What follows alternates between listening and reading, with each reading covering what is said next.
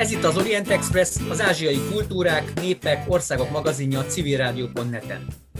Szilágyi Zsolt vagyok, szerkesztő társammal Szivák Júliával együtt köszöntjük a hallgatókat. Az utóbbi években a kelet-közép-európai régióban Magyarország vált az egyik legkedveltebb célállomásává a távol-keleti országokból érkezőknek. Mára a hazánkba települők között a határon túli magyarok után lélekszámukat és gazdasági szerepüket tekintve is az ázsiai gyökerekkel rendelkezők alkotják a legmeghatározóbb migráns közösséget. A betelepülés mértéke az elmúlt években sem csökkent, viszont a közösségek társadalmi rétegződése, életkori összetétele több csoport esetében is jelentősen változott. Az utóbbi 30 évben a kínaiak stabil diaszpórát hoztak itt létre, de folyamatosan gyarapodnak az olyan más, jelentős kulturális hagyományokkal rendelkező csoportok, mint a vietnámiak, indiaiak, mongolok, koreaiak, japánok közösségei, és bár a kínaiaké az egyik legstabilabb és kulturálisan magát leglátványosabban képviselő diaszpóra, meghatározó a vietnámiak magyarországi jelenléte is. Ebben az adásban róluk lesz szó. Mai beszélgetőtársunk Végvári Kristóf, a Magyar Kereskedelmi és Iparkamara távol-keleti referense, akit személyes érdeklődésre vitte pályára, hiszen sinológiát végzett, és az élet kacskaringóinak köszönhetően végül a vietnámiakkal, a vietnámi kultúrával került egészen közeli kapcsolatba. Az Orient Express adásainak elkészültét a Magyar Nemzeti Bank támogatja. Felhívjuk hallgatóink figyelmét, hogy az Orient Express adásai nem csak a civilrádió.net-en hallgathatók, hanem podcastként az interneten is, az expressorient.blog.hu oldalon, a YouTube csatornánkon, továbbá a különféle podcast alkalmazásokban. A Covid járvány okozta jelenlegi helyzetre való tekintettel ismét interneten vagyunk kénytelenek felvenni az adást, az esetleges gyengébb hangminőségért elnézésüket kérjük. Kedves Kristóf, köszönjük, hogy elfogadtad a meghívásunkat. Szervusz köszönöm szépen a meghívást. Ugye a munkát kapcsán most hivatalosan is szoros kapcsolatot tartasz az ázsiai partnerekkel, de az ember nem úgy indul neki az életnek, hogy a kamaránál fog ilyesmivel foglalkozni. Honnan jött az ázsiai iránti vonzalom? Igen, gyakorlatilag, mint oly sok más ember Magyarországon, én is legelőször az ázsiai kultúrával, a japán történelem, ez a szamuráj történelem, és ennek kapcsán, ennek kapcsán így a japán történelemnek kerültem kapcsolatba először. Aztán így jobban beleástam magam egy kicsit, aztán egy kicsit úgy kinyílt a világ, rájöttem, hogy hát nem csak Japánból áll Ázsia egyébként, elkezdtem még többet olvasni, és a kínai történelem volt az, ami végül is úgy megfogott nagyon. Hát azért itt mégis egy ilyen több ezer éves, nagyon-nagyon színes történelemről beszélünk, és hát annyira elmélyült gyakorlatilag ez a kínai, kínai történelem iránti szeretet, hogy aztán ez magával, magával hozta utána a kultúrát, az irodalmat, és hát gyakorlatilag a középiskola elvégzése után egyenes út vezetett az ELTE távol-keleti, az ELTE távol-keleti intézet felé, illetőleg a kínai szak felé. És 2012-ben mentem ki végül Kínába tanulni, ösztöndíjas diákként, a Peking Weigó Tászójén, a Pekingi idegen nyelvű egyetemen, és 2013-ban jöttem haza, egy év kintartózkodás után, 2013 novemberében kezdtem el dolgozni a Magyar Kereskedelmi és Iparkamaránál. Nagyon nagy szerencsém volt, pont gyakorlatilag, ahogy elkezdtem komolyabban állást keresni, pont rátaláltam a kamara hirdetésére, ahol mit ad Isten, pont Kína referenst kerestek. És gyakorlatilag így kerültem be ebbe a vérkeringésbe.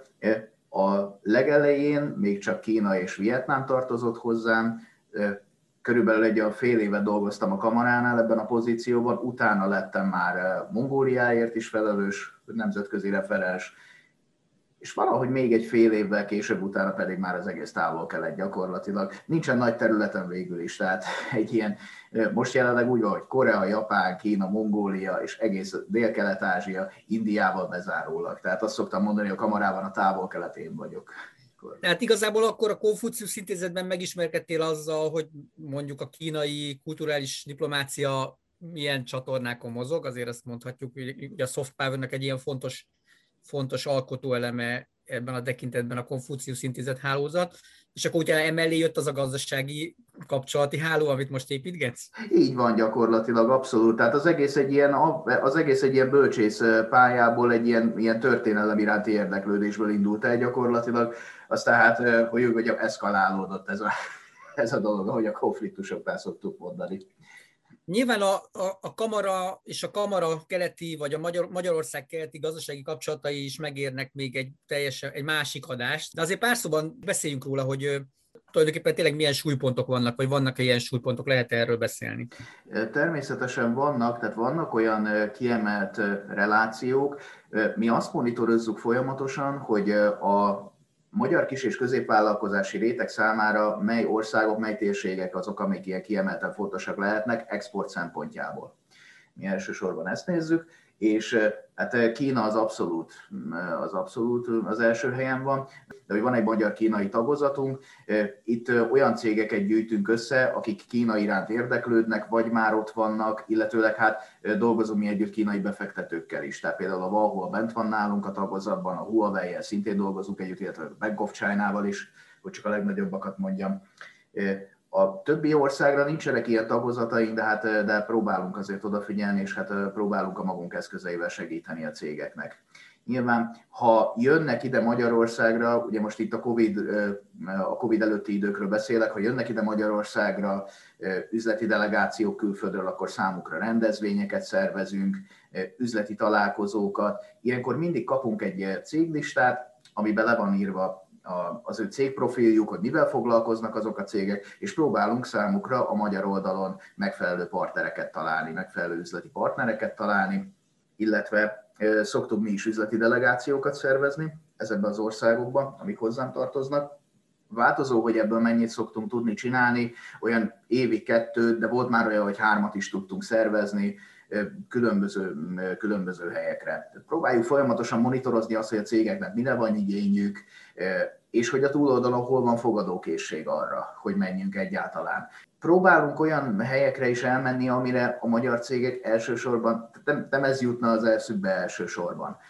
Vagy próbáljuk, próbálunk például olyat, ami, hogy összekötni valami ismertebb helyjel, egy ismertebb üzleti célponttal, és amellé próbálunk valami más bekötni. Arra gondolok például, hogy volt ilyen terve, sajnos már a pandémia miatt nem tudtuk megcsinálni, de hogy például Sánkhájba elmenni egy üzleti delegációval, ahova egyébként is mennének a magyarok, sőt, hát addigra már volt közvetlen járat is, illetőleg Sánkháj környékére ellátogatni valahova, ami úgy, ami úgy nincs benne annyira a magyar köztudatban. Vagy például volt olyan üzleti delegációnk, amikor az meghívásos alapon ment, hogy Nyugat-Kínába mentünk az Ujgur, Ujgur területre, Ürümcsibe, és onnan mentünk át Ulánbátorba. Tehát Ulánbátorban akkor már tervbe volt, hogy újra nyitják a nagykövetséget, mindent, és a, kamara, a mongol kamara szívesen fogadott minket, abszolút. Kézenfekvő országok, mint Japán, Kína, Dél-Korea mellett a kicsit mondjuk ebből a tekintetben ilyen perifériára eső országok, mint ugye Mongólia is szóba kerül, de mondjuk akkor a dél-kelet-ázsiai térség is hasonló célpont, nem? Abszolút célpont, illetőleg hát ilyen helyeken, e, ezek azok az országok gyakorlatilag, ahol a magyar cégeknek kell valamennyit versenyezni nyilván minden országban, de azért nem annyira kiélezett a verseny, mint mondjuk egy japán piacon, ahova nagyon sokan mennek, vagy ha mondjuk Kínáról beszélünk, nem Peking, Shanghai, az gyakorlatilag teljesen telített. Van azért üzleti lehetőség, de sokkal nehezebb üzletet csinálni, mint mondjuk egy dél-kelet-ázsiai országban. Volt, olyan, volt egy olyan delegáció, amit szerveztünk, ami Dél-Vietnámba, Saigonba, és onnan mentünk át Kambodzsába például mert hogy ott is, tehát még nem annyira fejlett a ország, még az sem. Tehát bőségesen vannak azért üzleti lehetőségek magyar cégek számára is. És még nem olyan nagy a konkurencia, ahogy mondtam. Vietnám egyébként az már problémásabb ilyen szempontból egyre inkább, ahogy múlnak az évek. Jó, és akkor ö, Vietnám, a te vietnámi kötődésed az innen jön, vagy pedig az egy korábbi dolog, és aztán ez így bekapcsolódott ebbe a történetbe? A vietnámi iránti érdeklődés ez egy kicsit korábbra, korábbra megy vissza. Ugye 2012-13 így voltam két Pekingben, és első alkalommal Vietnámba én 2012-13 fordulóján mentem át. Amikor diák voltam, egyszer csak így utazni szerettem volna, és Hát korábban én már egyszer voltam kint Kínában a holdú évi ünneplésen, ünnepségeken vettem részt, láttam, hogy milyen. És tetszett, tetszett, de gondoltam, hogy még esetleg Dél-Kelet-Ázsiában valahol másút ezt el lehetne menni egy kicsit világot látni, holdú évet ünnepelni, és hát néztem, hogy mire van pénzem. És Vietnámba, Vietnámba el tudtam menni, szerencsére. És gyakorlatilag az 2012 legvégén utaztam ki, így Dél-Vietnám Saigonban kezdtem, és akkor egy ilyen jó hónapot utazgattam.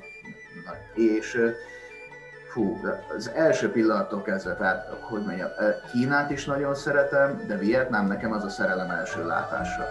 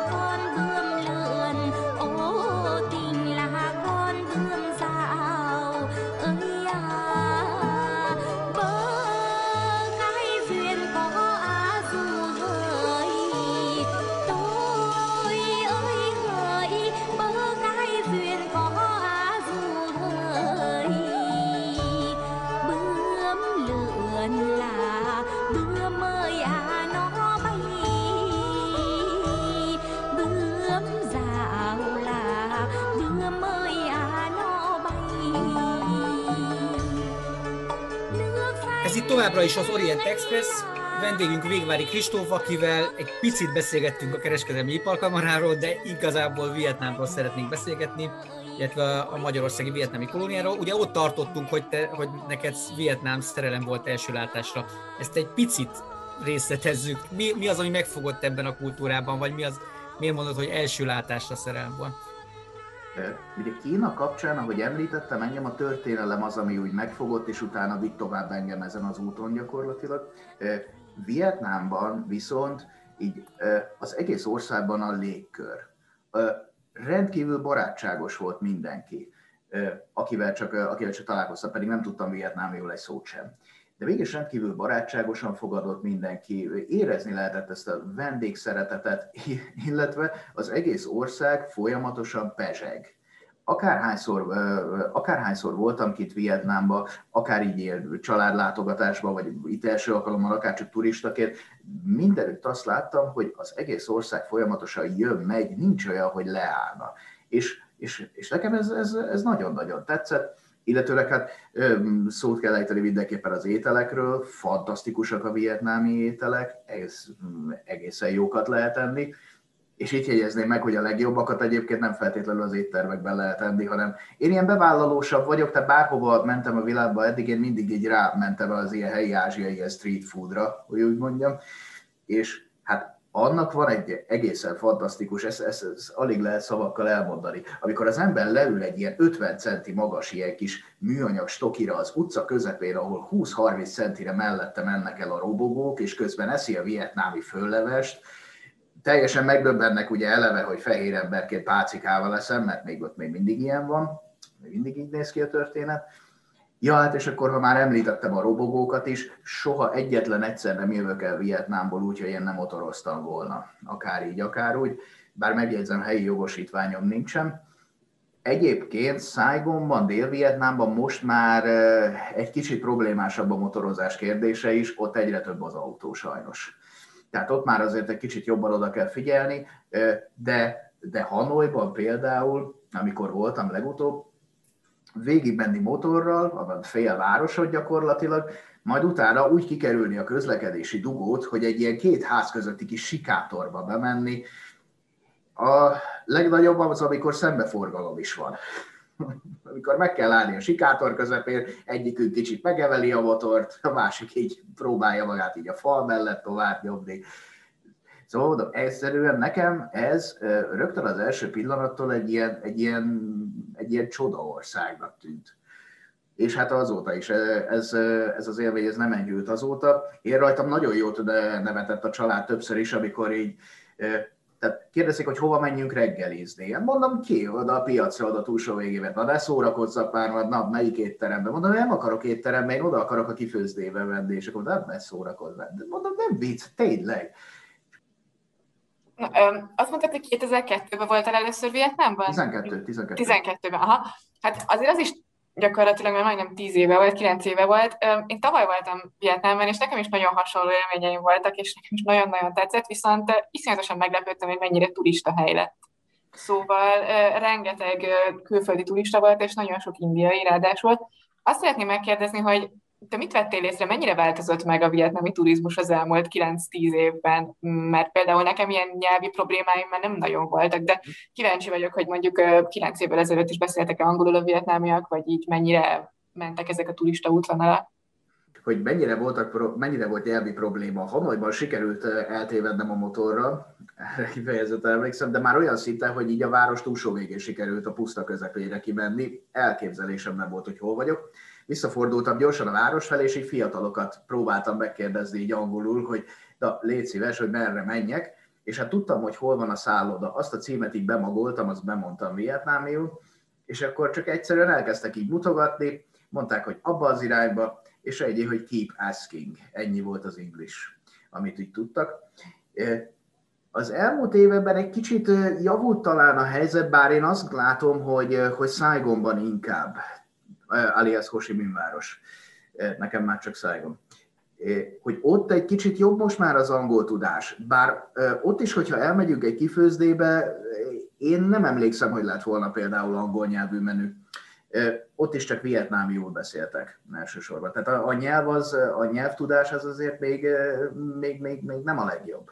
Ha, ha idegenvezetővel megyünk, ilyen szervezett utakra, akkor ott, ott nem volt gond 9 évvel ezelőtt sem, meg most sem. Tehát ott az idegenvezetők azért tudnak angolul. Ez teljesen rendben van, illetve a szállodákban sincsen ezzel probléma egyáltalán.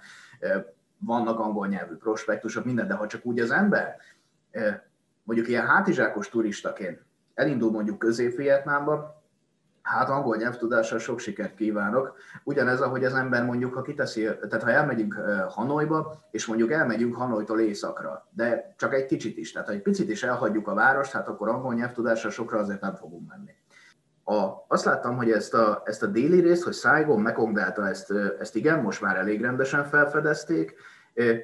A vietnámiak nagyon jól kiépítették ezt a nyaraló szigetüket, ezt úgy hívják, hogy Fukuok sziget, ez hát gyakorlatilag olyan, mintha tájföldből kivennénk egy darabot. Tehát ez, ez csak a turistáknak van. Vietnámiak közül, hát van, akik járnak oda, de, de, de ha megkérdezünk egy átlag vietnámit, hogy na Fukuok sziget, hm, nem, nem annyira, ez nem egy annyira izgalmas hely számára.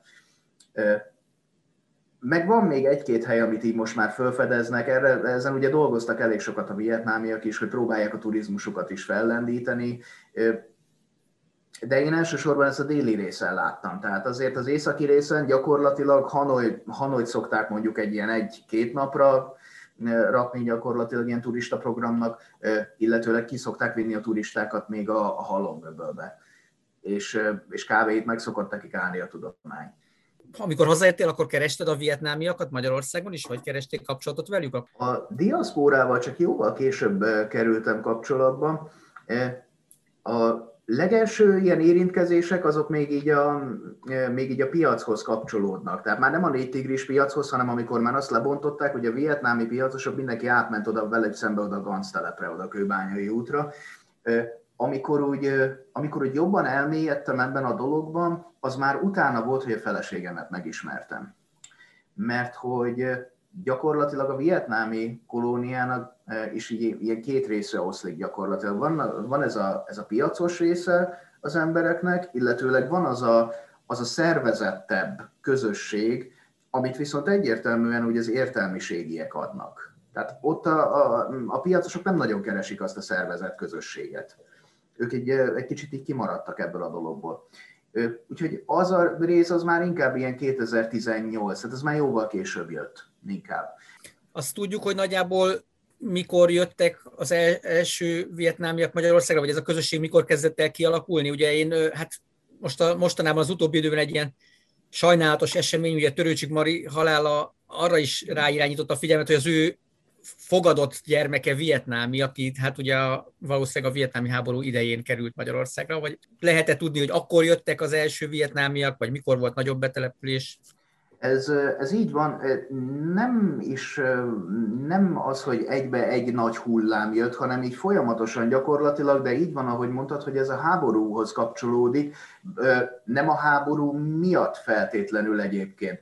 A vietnámi háború idején így a, ez a 60-as években kezdődött valahogy, hogy rengetegen, rengetegen jöttek ide egyetemekre tanulni tehát itt gyakorlatilag kivétel nélkül vietnámi egyetemistákról beszélünk, akik ilyen különböző, hát akkor ugye így a szocialista tömbön belül lehetett jönni-menni, ilyen cserediák programokra, és hát valaki Moszkvába ment, egy jó páran viszont Magyarországot választották itt célállomásra. Hát gyakorlatilag ez a, hogy mondjam, tehát teljesen mindegy volt, csak ne, ne otthon. Tehát hanem akkor tudjanak valahol tovább tanulni egy kicsit, és rengetegen jöttek az akkori műszaki egyetemre például, de hát jöttek a Marx Károly Marsz Károly közgazdasági egyetemre, orvosok is jöttek ide, egyetemekre, csak aztán nagyon sokan, különösen ott a rendszerváltás környékén, nagyon sokan abba hagyták az egyetemi tanulmányokat.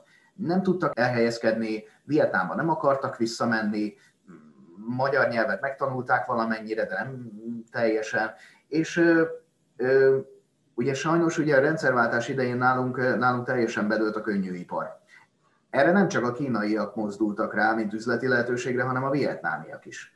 Ebben az időben alakult ki az, hogy akiket ma, ma itt Budapesten is lehet látni, vietnámi nagykereskedők, kiskereskedők, ekkor kezdtek el ezekkel a ruhabizniszekkel foglalkozni.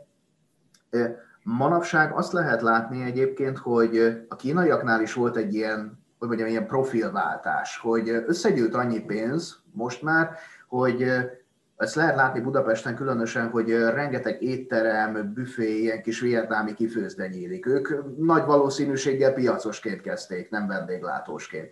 Csak összegyűjt annyi tőkéjük, hogy be tudtak ruházni egy ilyen kisebb étterembe valamibe.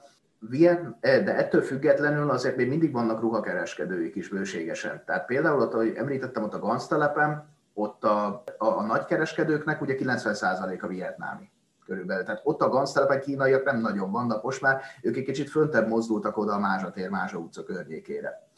Aztán ami érdekes, hogy például ilyen kisebb vidéki piacokon is a vietnámiak vannak már, tehát mm, kiskereskedőként jelen. Magyarországnak, Magyarországon egy kicsit vannak úgy elszórtabban is családok, tehát Budapesten él a legnagyobb tömeg, de például van vietnámi család Veszprémben, tudok egy vietnámi családról, aki például Záhonyban ott a határmentére kifőzdét üzemeltet, de ilyen nagyobb, nagyobb létszámban nem, nem élnek vidéken egyébként. Illetőleg olyan példa is van, hogy mondjuk a vidéki, vidéken a, kis, a kínai kisboltot eladták, és azt például vietnámi vette meg. Aztán van ennek, a, van ennek a közösségnek, ahogy említettem, egy másik része, aki viszont megmaradt ezen az értelmiségi pályán gyakorlatilag, ők vannak többségben egyébként. Tehát ha jól emlékszem a pontos létszámra, akkor jelenleg a közösségben 500 PHD végzettségű ember van. Na, ami nem kis létszám, tehát ez az egész közösségnek egy ilyen jóval többi 10%-a. És nagyon sok közöttük, nagyon sok közöttük az orvos, a komolyabb üzletemberek, és, és ők, adják, ők adják a szervezet közösséget.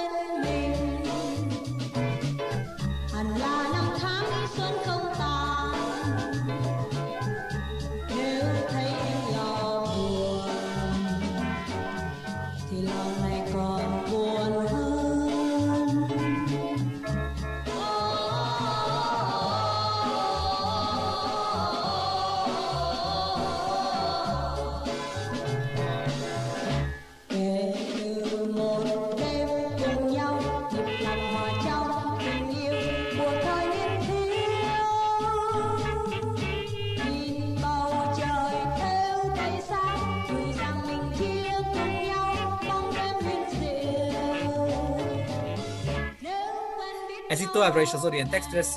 Végvári Kristoffal beszélgetünk a vietnámiokról, a vietnámi kultúráról, a magyarországi vietnámi közösségről, és az előző részben néhány szót szóltunk arról, hogy milyen összetétele van ennek a közösségnek. Ugye érdekes, hogy van egy erős értelmiségi bázis, és van egy jelentős piacos közösség. Azt hiszem, hogy a Júlcsi erre szeretne kérdezni. Igen, köszönöm szépen. Nekem két kérdésem is van igazából ezzel a piacozással, illetve a, a itteni vietnámi a gazdasági tevékenységével kapcsolatban. Az egyik az, hogy azt mondtad, hogy akik most éttermet üzemeltetnek, ők általában piacoztak korábban, szóval, hogy egyrészt azt szeretném kérdezni, hogy van-e egy ilyen hierarchia, vagy van-e, ami jobban jövedelmező, és éppen ezért így mindenki megpróbál afelé menni. A másik kérdésem pedig az lenne, hogy hogy működik ez a vietnámi kiskereskedelem, vagy ruhakereskedelem saját családi, vagy a baráti kapcsolataikra támaszkodva hozzák be ezeket a dolgokat? Értem, hogy mire gondolsz, és, és a válasz, hogy van köztük vietnámi termék is, amit így hoznak be ilyen családi alapon, de nem ez a legjellemzőbb, főleg és elsősorban ugye Kínában gyártott dolgokat, illetőleg az utóbbi időben, ami nagyon felfutott, a Törökországban gyártott termékek. Például, ugye itt, hogyha a farmerokra gondolunk, rengeteget gyártanak Törökországban, ami jó minőségű és elég olcsó is. Tehát ez, ez nagyon-nagyon jó megy itt a magyar piacon.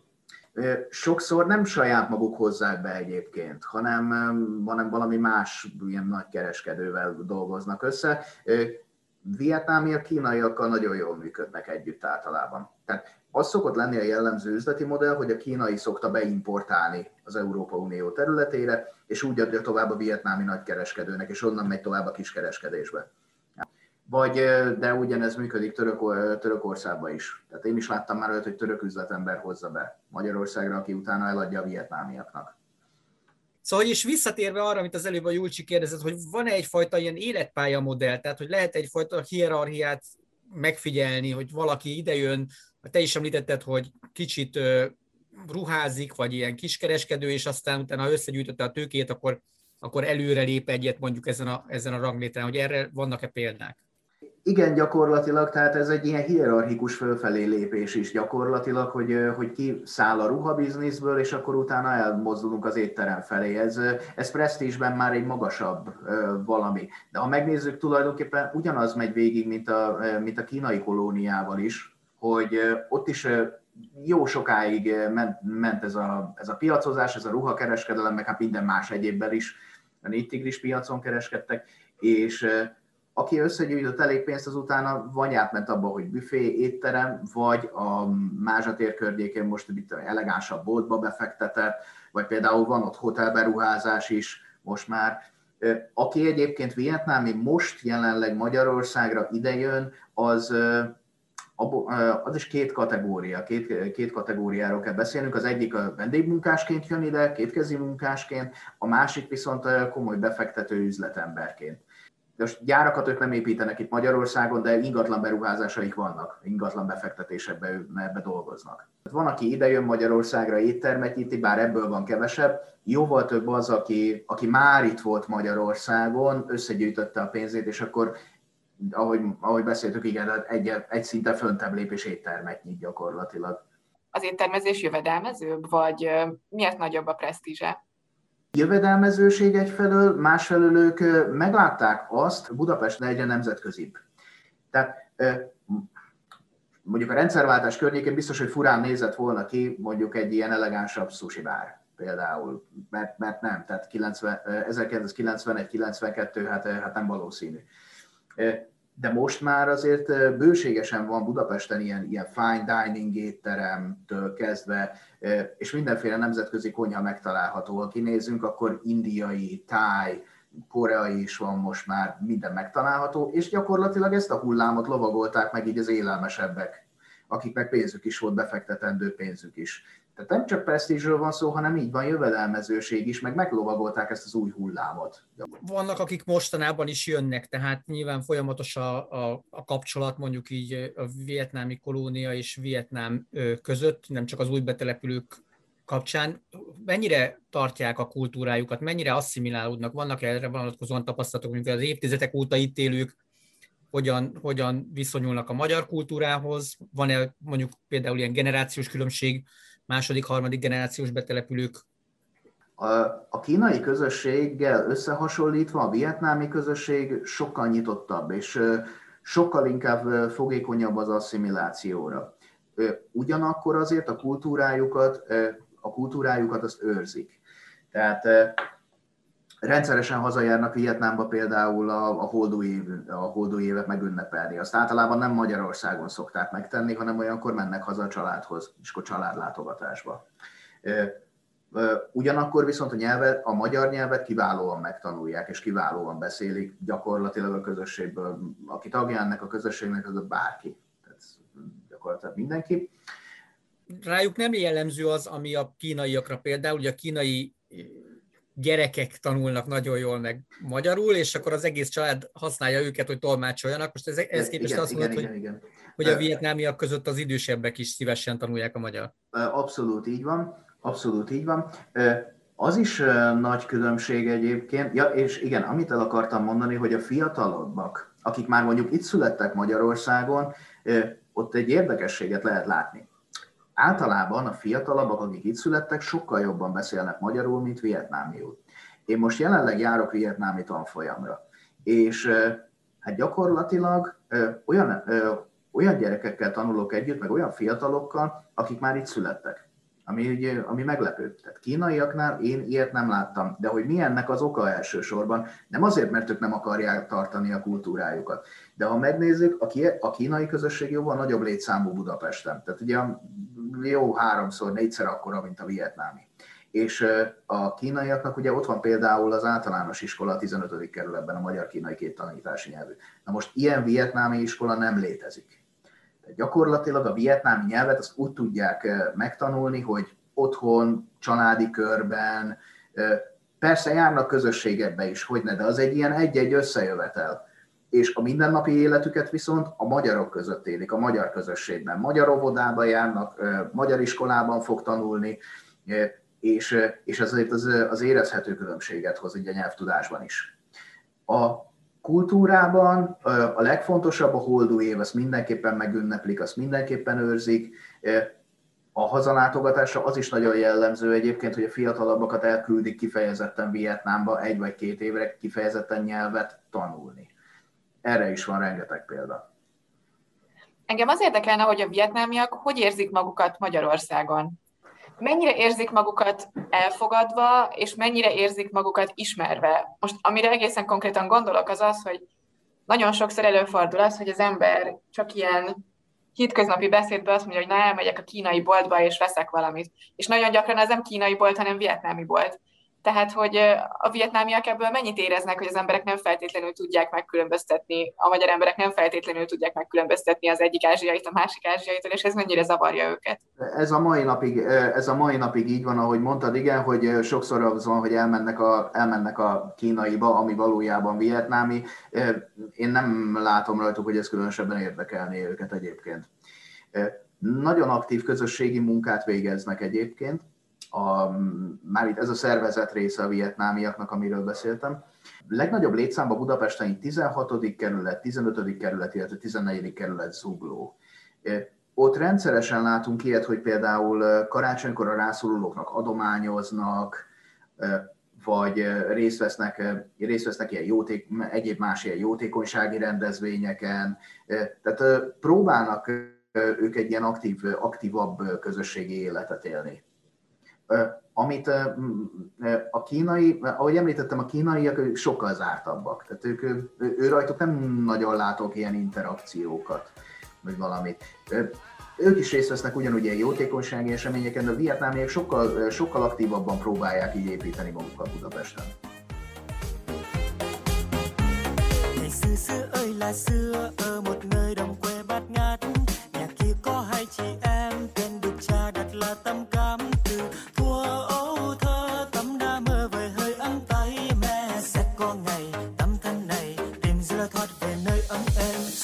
Sorry.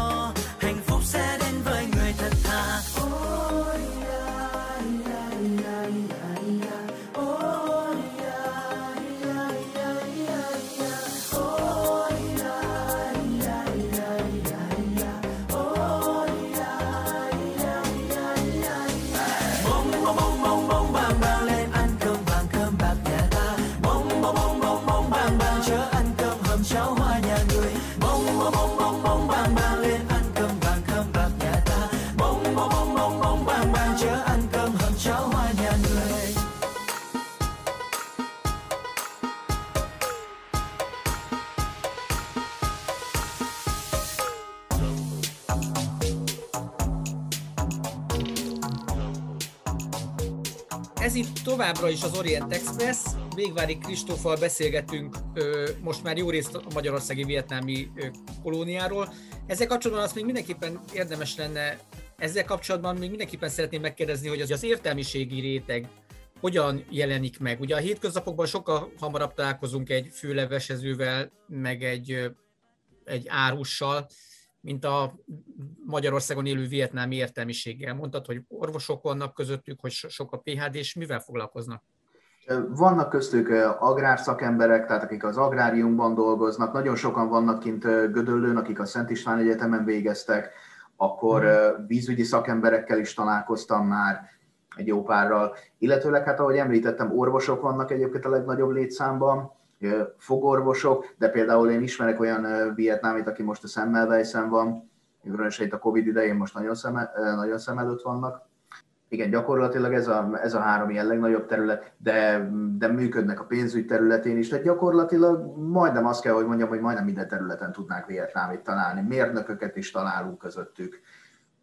És akkor azt mondtad, hogy ők azért jobban szervezettek, tehát hogy valahogy talán kicsit jobban tartják a kapcsolatot, ha jól értettem. Igen, próbálnak, próbálnak jobban, hát ezeken a meghatározott területeken kifejezetten, amit említettem, ebben a három kerületben abszolút.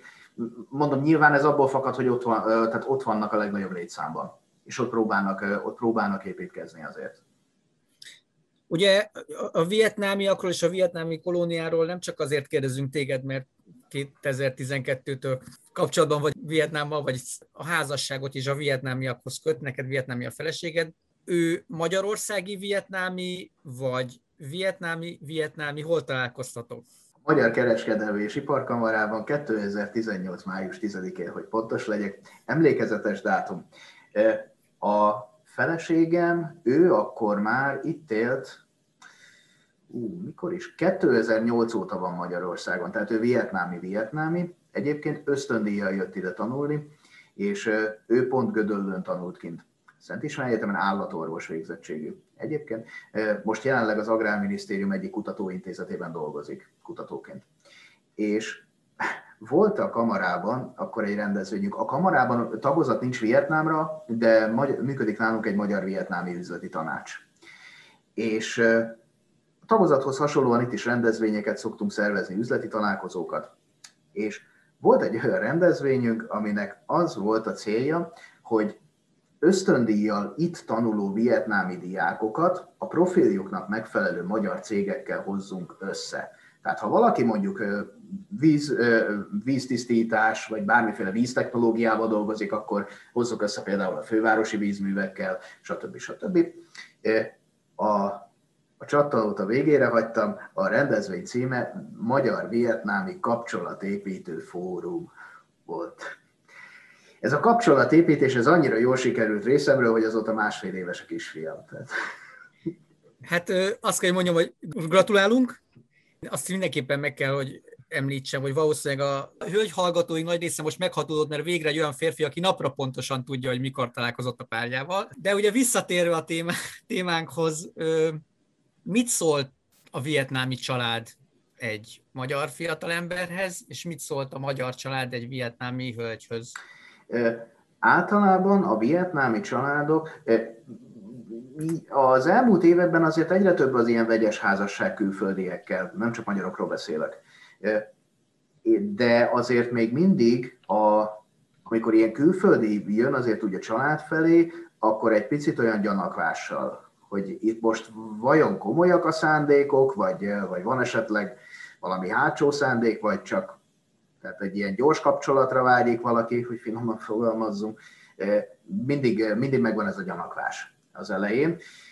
Ezt, ezt le lehet küzdeni kemény munkával. Nekem annyiból egyszerűbb volt a dolgom, hogy mivel feleségem már, már itt élt Magyarországon egy ideje, ő nagyon, tehát nagyon tradicionális a család, de ő már azért eléggé, eléggé beleszokott ebbe az ilyen európai kultúrába, és úgy jobban átlátta a kulturális különbségeket, úgy, tehát, hogy mondjam, meg tudta fogni az én kezemet, hogy, hogy átvezessen engem ezeken az ilyen buktatókon, amit esetleg így a, a kulturális különbségek támasztottak felénk. Úgyhogy ezzel voltak, voltak azért érdekes, érdekes percek itt is, de, de így végül is ezeken sikerült úrá lenni. A magyar részről nekünk nem volt, nekünk nem volt semmi különös, tehát nekem édesanyám, engem édesanyám már régen elkönyvelt arra, hogy én nem vagyok teljesen normális, hogy szoktam beszélni Vietnámról, meg úgy Dél-Kelet-Ázsiából, Dél-Kelet-Ázsiáról így általában, meg hát tényleg bármerre mentem, bármerre mentem ezeken az égtájakon, én, én mindig olyan, olyan jó érzéssel jöttem haza mindig, és hát Vietnámból meg kifejezetten mindig úgy jövök haza, hogy hát Magyarország mellett egy ilyen második otthont hagyok ott mindig. Tehát ez, ez ebből a történetekből már úgy, már úgy lehetett tudni, hogy, hogy én valószínűleg itt fogok kikötni, előbb vagy utóbb. Ilyen vagy olyan módon. Tehát akkor ugye a párod családja otthon él, igen, é, és hát nyilván el kellett menni, hogy bejelentsétek ezt a dolgot, vagy hogy történt ez az egész Magyarországon, összeházasodtatok, és aztán kint is meg kellett tartani az esküvőt, ott nyilván egy tradicionális esküvőt tartottatok Magyarországon, ez, ebben részt vettek-e az itteni vietnámiak? Ez úgy nézett ki, tú, több kérdés, több kérdés arra így egybefűzve gyakorlatilag. Ez nekünk úgy nézett ki, hogy tehát mivel fizikailag mi mind a ketten Budapesten voltunk. Kellett volna, hogy legyen egy olyan rész, hogy ezt úgy hívják, hát ilyen csúnya fordítással úgy hívják, hogy ilyen eljegyzés előtti találkozó gyakorlatilag. Ez, ez abból áll, hogy a két oldalon, a két család így összeül, és akkor egy kicsit így ismerkednek egymással, megbeszélik, egymá, megbeszélik egymással, hogy akkor hogyan tovább, akkor elindulunk így az esküvő felé, stb. Na most mivel mi Budapesten élünk, ez nekünk, ez nekünk Skype-on keresztül ment. A feleségemnek van, van itt Budapesten gyakorlat egy, egy idősebb vietnámi hölgy, aki kvázi ilyen, ilyen pótanya számára itt Budapesten, aki, aki még sokkal korábban jött ide egyetemistaként, ide házasodott, aztán itt lettek gyerekei, és gyakorlatilag ő segített neki annak idején ide beilleszkedni, elmagyarázta, hogy hol működnek a dolgok Magyarországon, stb. És ő segített nekünk például, hogy, hogy odaült hozzánk, akkor segített a fordítással, mert hogy ő tudott magyarul is és vietnámiul is. Tehát nekünk ez online ment, ez a dolog, ez a dolog így. Úgyhogy ennyiből mi csaltunk egy picit, és az egész, az egész előkészítés, az egész ilyen eljegyzési buli esküvő, ezt, ezt mind online kellett, hogy megbeszéljük. Tehát arra sajnos nem volt mód, hogy annyiszor kiutazzunk Vietnámba, hogy ezt, hogy ezt mindent szépen szabályosan, ahogy a hagyományokhoz illik, ezt megbeszéljük. Az, hogy a feleségednek van itt egy idősebb rokona, azért az abban a szempontból fontos, hogy mondjuk a vietnami tradíciók között fontosabb, vagy nagyon fontos az, hogy, hogy egy idősebb képviselője a családnak jelen legyen, hozzájáruljon, vagy bármilyen módon hát áldását adja erre a kapcsolatra? Ez így van, ez így van, ez így van. Tehát a vietnámi kultúrában ugye elsősorban férfiak, akik a dominánsak, illetőleg hát az idősebbeknek a tisztelete, mint, mint minden más ilyen ázsiai kultúrában az a, az a mai napig él. Tehát bizonyos, bizonyos tradíciók azért most már lazulnak föl ott is, de, de ez nem. Tehát ez nagyon keményen megvan ott. Annyiból is szerencsém volt, hogy ezt a bizonyos idős hölgyet ezt ismerte feleségem családja is. Tehát ők már korábban beszéltek egymással, ők már korábban találkoztak itt. Úgyhogy nekem ennyiből szerencsém is volt. Itt ér, itt ér régebb óta Magyarországon, magyarul is beszél kiválóan, úgyhogy gyakorlatilag ő segített, ő is segített nagyon sokat nekünk leegyeztetni a családdal, hogy mi hogy működjön, a tradíciókból mi az, amit feltétlen fontos, hogy tartsunk, mi az, amit esetleg, esetleg elugorhatnánk. Azt akartam kérdezni, akkor mik azok, amik meg, amiket megtartottatok a tradícióból, és milyen volt az esküvő?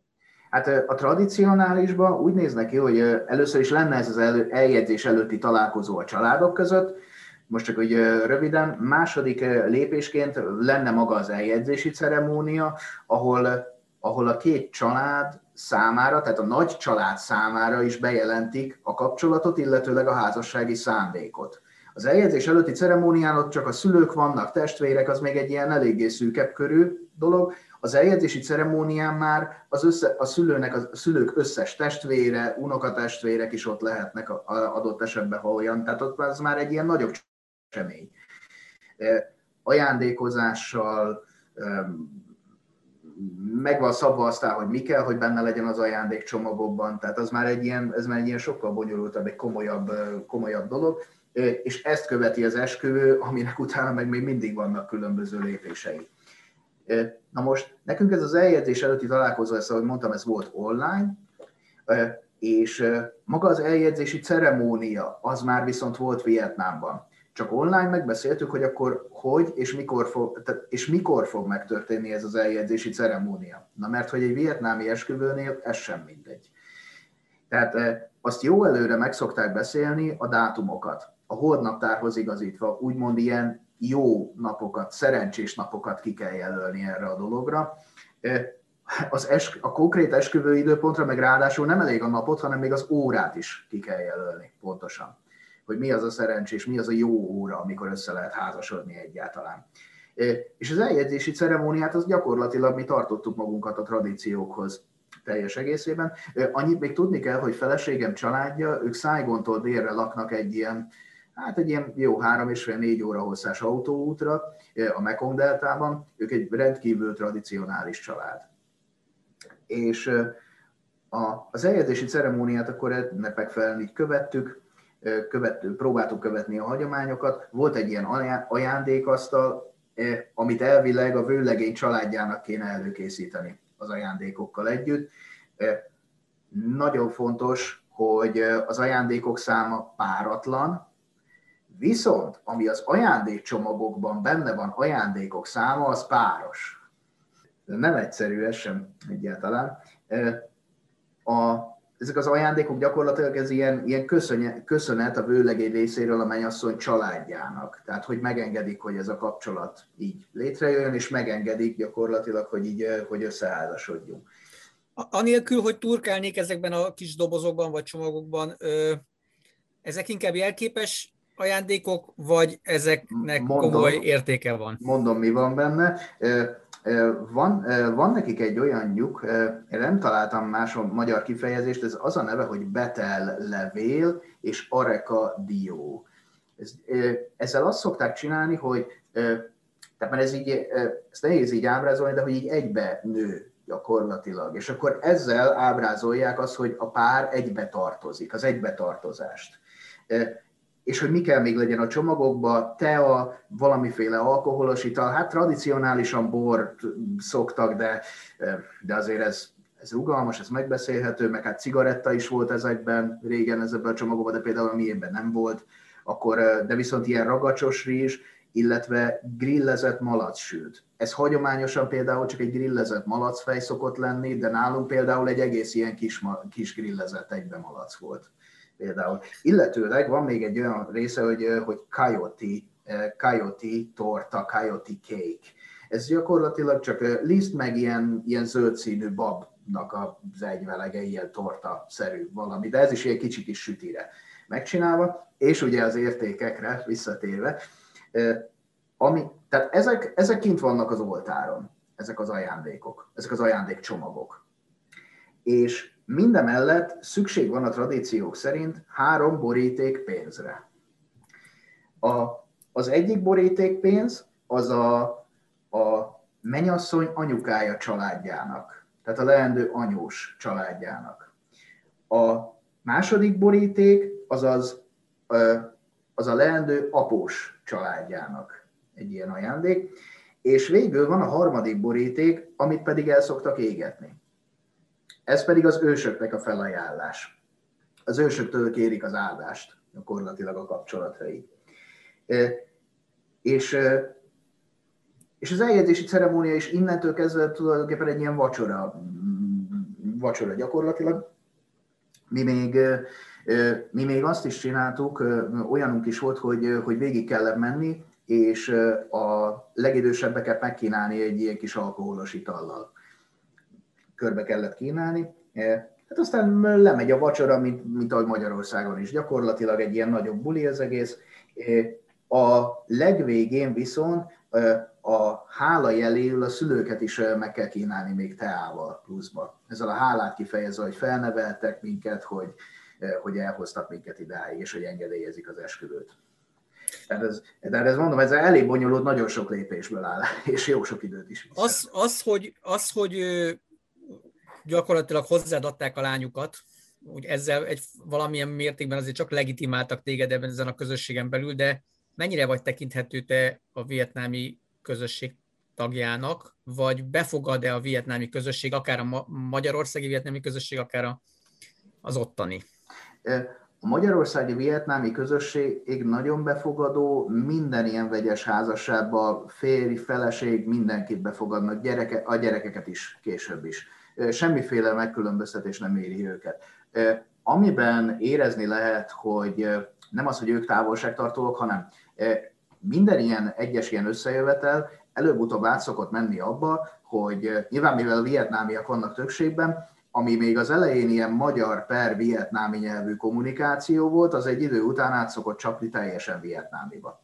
Tehát, és nem azért, mert ők kiérkeztőek akarnak lenni, hanem egyszerűen ez a kényelmesebb. Tehát mi magyarok is, hogyha mondjuk olyan, olyan közösségben vagyunk, hogy van mondjuk kettő külföldi vendég, egy darabig megy ez, hogy angolul kommunikálunk feléjük magyarul egymással, de aztán hát csak átmegy magyarba egy idő után sajnos. Nem, nem mindig figyelünk rá. És tehát ha az ember teljes értékű tag akar lenni, akkor sajnos, vagy, vagy nem tudom, hogy sajnos, de vietnámi jól meg kell tanulni. Úgyhogy én is elindultam ezen a rögös úton. Akkor most e- ezen, ezen dolgozol, hát ehhez sok, sok sikert kívánunk, folytatni lehetne, millió kérdésünk lenne, és majd a közeljövőben egyszer talán folytatjuk is ezt, ezt a beszélgetést. Úgyhogy ebben a pillanatban most el kell, hogy búcsúzzunk. Nagyon köszönjük Végvári Kristófnak, hogy elfogadta meghívásunkat, és köszönjük a hallgatóknak a figyelmet, és a Magyar Nemzeti Banknak a támogatást. Önök az Orient Express-t, a civilradio.net ázsiai magazinját hallhatták, a műsort Szilágyi Zsolt és Szivák Júlia vezették. Felhívjuk figyelmüket, hogy az Orient Express adásait nem csak a civilradio.net-en hallgathatók, hanem podcastként az interneten is. A címünk expressorient.blog.hu, de ott vagyunk a YouTube-on és a különféle podcast alkalmazásokban is.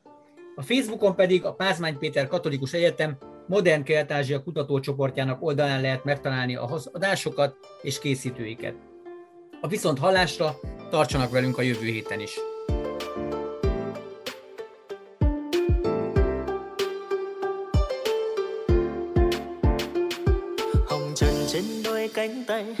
Hoa đời em trong phút giây, từ ngày thơ ấy còn ngủ mơ đến khi em thở lòng người anh đâu có hay, một ngày khi vô cánh bay, từ người yêu hóa thành người dưng đến khi ta từ dưng. Thương em bờ vai nhỏ nhoi, đôi mắt hóa mây đêm. Thương sao mùi xa linh thương vương vấn thật lòng dẫu trời mênh mông, anh nhớ chim kia về vẫn có đôi, sao chẳng gió vô thể?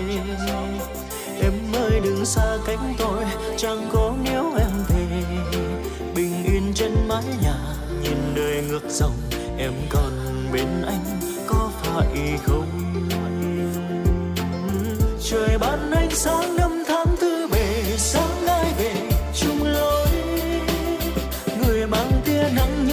so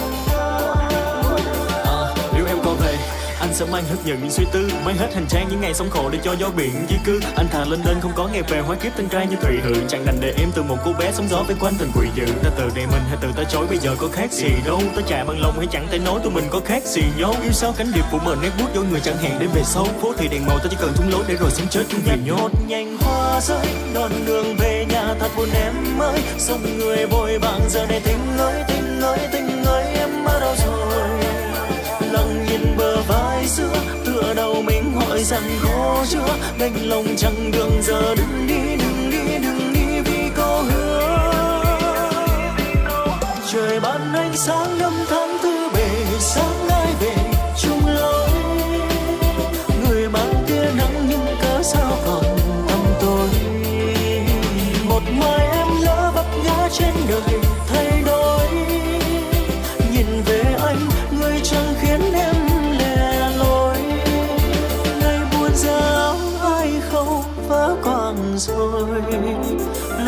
dòng nước con sông phút bồi hồi. Một lần này hỡi em ơi, nhớ lại đi. Vạn trùng cơn đau, ngoài kia chỉ là bao tố trời ban ánh sáng năm tháng tư về, sáng ai về chung lối người mang tia nắng nhưng cớ sao còn